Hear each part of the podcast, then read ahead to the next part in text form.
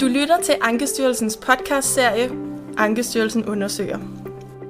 I denne serie sætter vi fokus på nogle af de undersøgelser, Ankestyrelsen laver på velfærdsområdet. I det her afsnit ser vi nærmere på børn og unges trivsel på døgninstitutioner og opholdssteder.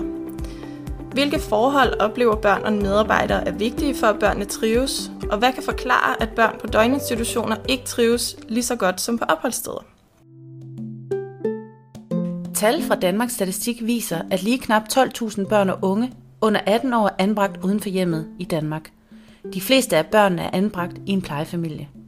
Herudover er knap 2.000 børn og unge anbragt på en døgninstitution, og ca. 1.500 børn og unge er anbragt på socialpædagogiske opholdssteder.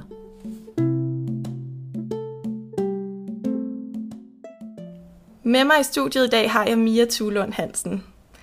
Mia, du er fuldmægtig i Ankestyrelsens Center for Læring og Analyse, og du har været med til at lave undersøgelsen, som ser nærmere på trivselen på døgninstitutioner og opholdssteder.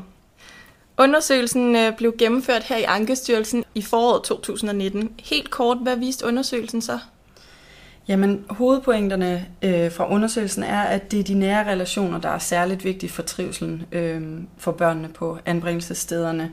Øhm, og så viste den også, at øh, døgninstitutionerne de ser ud til at stå over for nogle udfordringer, øh, som er større end for opholdsstederne, i forhold til at sikre øh, børnenes trivsel.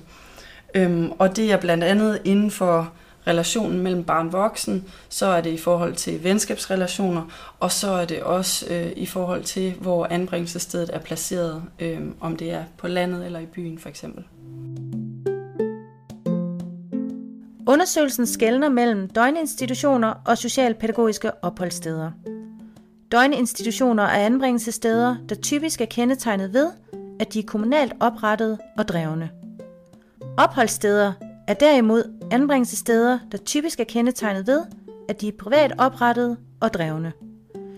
Du kan læse mere om, hvad der karakteriserer døgninstitutioner og opholdssteder på Socialstyrelsens hjemmeside. I undersøgelsen der ser I jo på, øh, hvad det er, der har betydning for børnenes trivsel, og også hvorfor der kan være forskel på trivselen på døgninstitutioner og opholdssteder. Øhm, men I tager udgangspunkt i en undersøgelse, som Rambøl har lavet. Øh, kan du ikke prøve at forklare lidt mere om, hvad var egentlig grundlaget for den her undersøgelse? Jo, altså som du sagde før, så er øh, øh undersøgelsen lavet, gennemført af Ankestyrelsen i foråret 2019, og den er lavet for Social- og Indrigsministeriet. Øhm, og grundlaget for den, det var øh, den her trivselsundersøgelse fra Rambøl, som øh, udkom i 2018.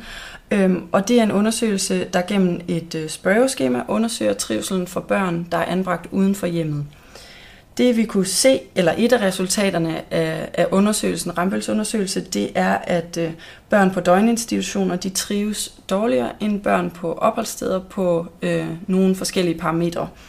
Og som du også sagde tidligere, så har vi kigget længere ind i, jamen, hvad er det, der har betydning for børnenes trivsel ifølge børnene og medarbejderne. Øh, og også på, hvad der kunne være mulige forklaringer på forskellen i trivsel øh, for børn, der er på opholdssteder i forhold til på døgninstitutioner. Øhm, når jeg læser undersøgelsen, øh, så kan jeg se, at der er flere forskellige forhold, der kan have betydning for børns trivsel på opholdssteder og døgninstitutioner. Kan du ikke prøve at fortælle, hvad det er, der primært kan være afgørende for deres trivsel? Jo, altså som sagt, så er det det her med de nære relationer. Øh, for eksempel relationen mellem barn og voksen. Øhm, og, øh, og i interviewene, der fortæller de for eksempel, at det handler om en-til-en kontakt mellem barnet og den voksne. Og udover det, så handler det også om, at den voksne er vedvarende i relationen til barnet, og at den voksne tager noget initiativ og har engagement i forhold til, til barnet. Og udover relationen mellem barn og voksen, så er det også det her med venskabsrelationer og, og familierelation. Nogle af anbringelsesstederne de står til synlædende over for nogle udfordringer i forhold til relationen mellem børn og voksne. Hvad er det for nogle udfordringer, de støder på? Jamen, børnene på døgninstitutioner, de oplever ikke i lige så høj grad, at de voksne holder af dem. Øhm, og, øh, og børnene og medarbejderne i interviewene, de lægger blandt andet vægt på, at kontinuitet, som jeg også sagde før, den vedvarende relation, er rigtig vigtig øh, for børnene i forhold til trives. Øhm, Og det vi så kan se også af undersøgelsen, det er, at øh, børn på døgninstitutioner, de skal forholde sig til flere voksne på anbringelsesstedet, og også flere nye voksne på anbringelsesstedet. Og det kan være en af de ting, der kan påvirke trivselen.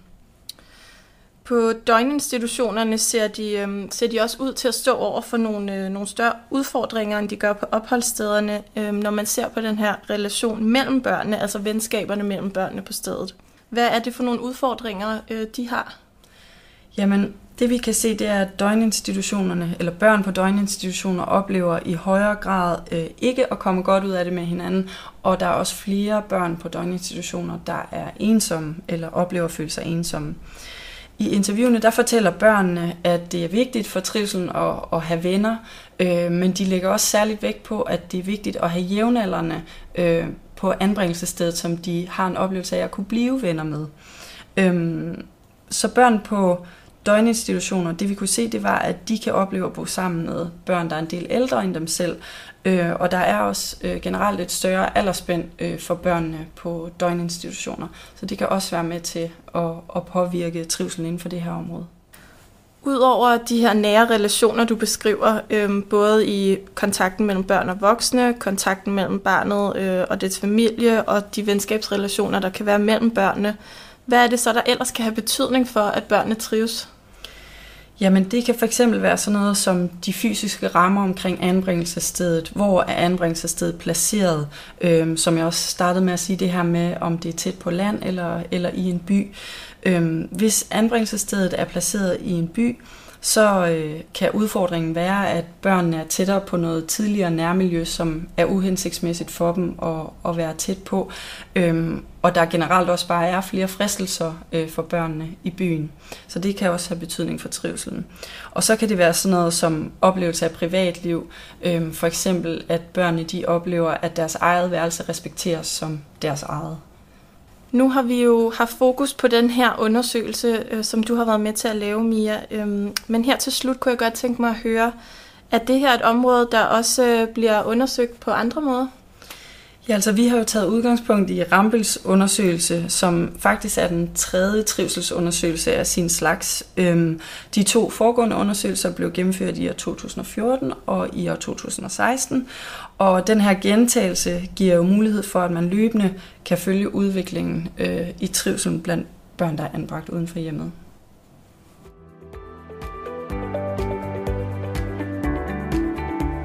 Tak fordi du lyttede med. Du kan læse rapporten for undersøgelsen på Ankestyrelsens hjemmeside ast.dk under publikationer nederst på siden.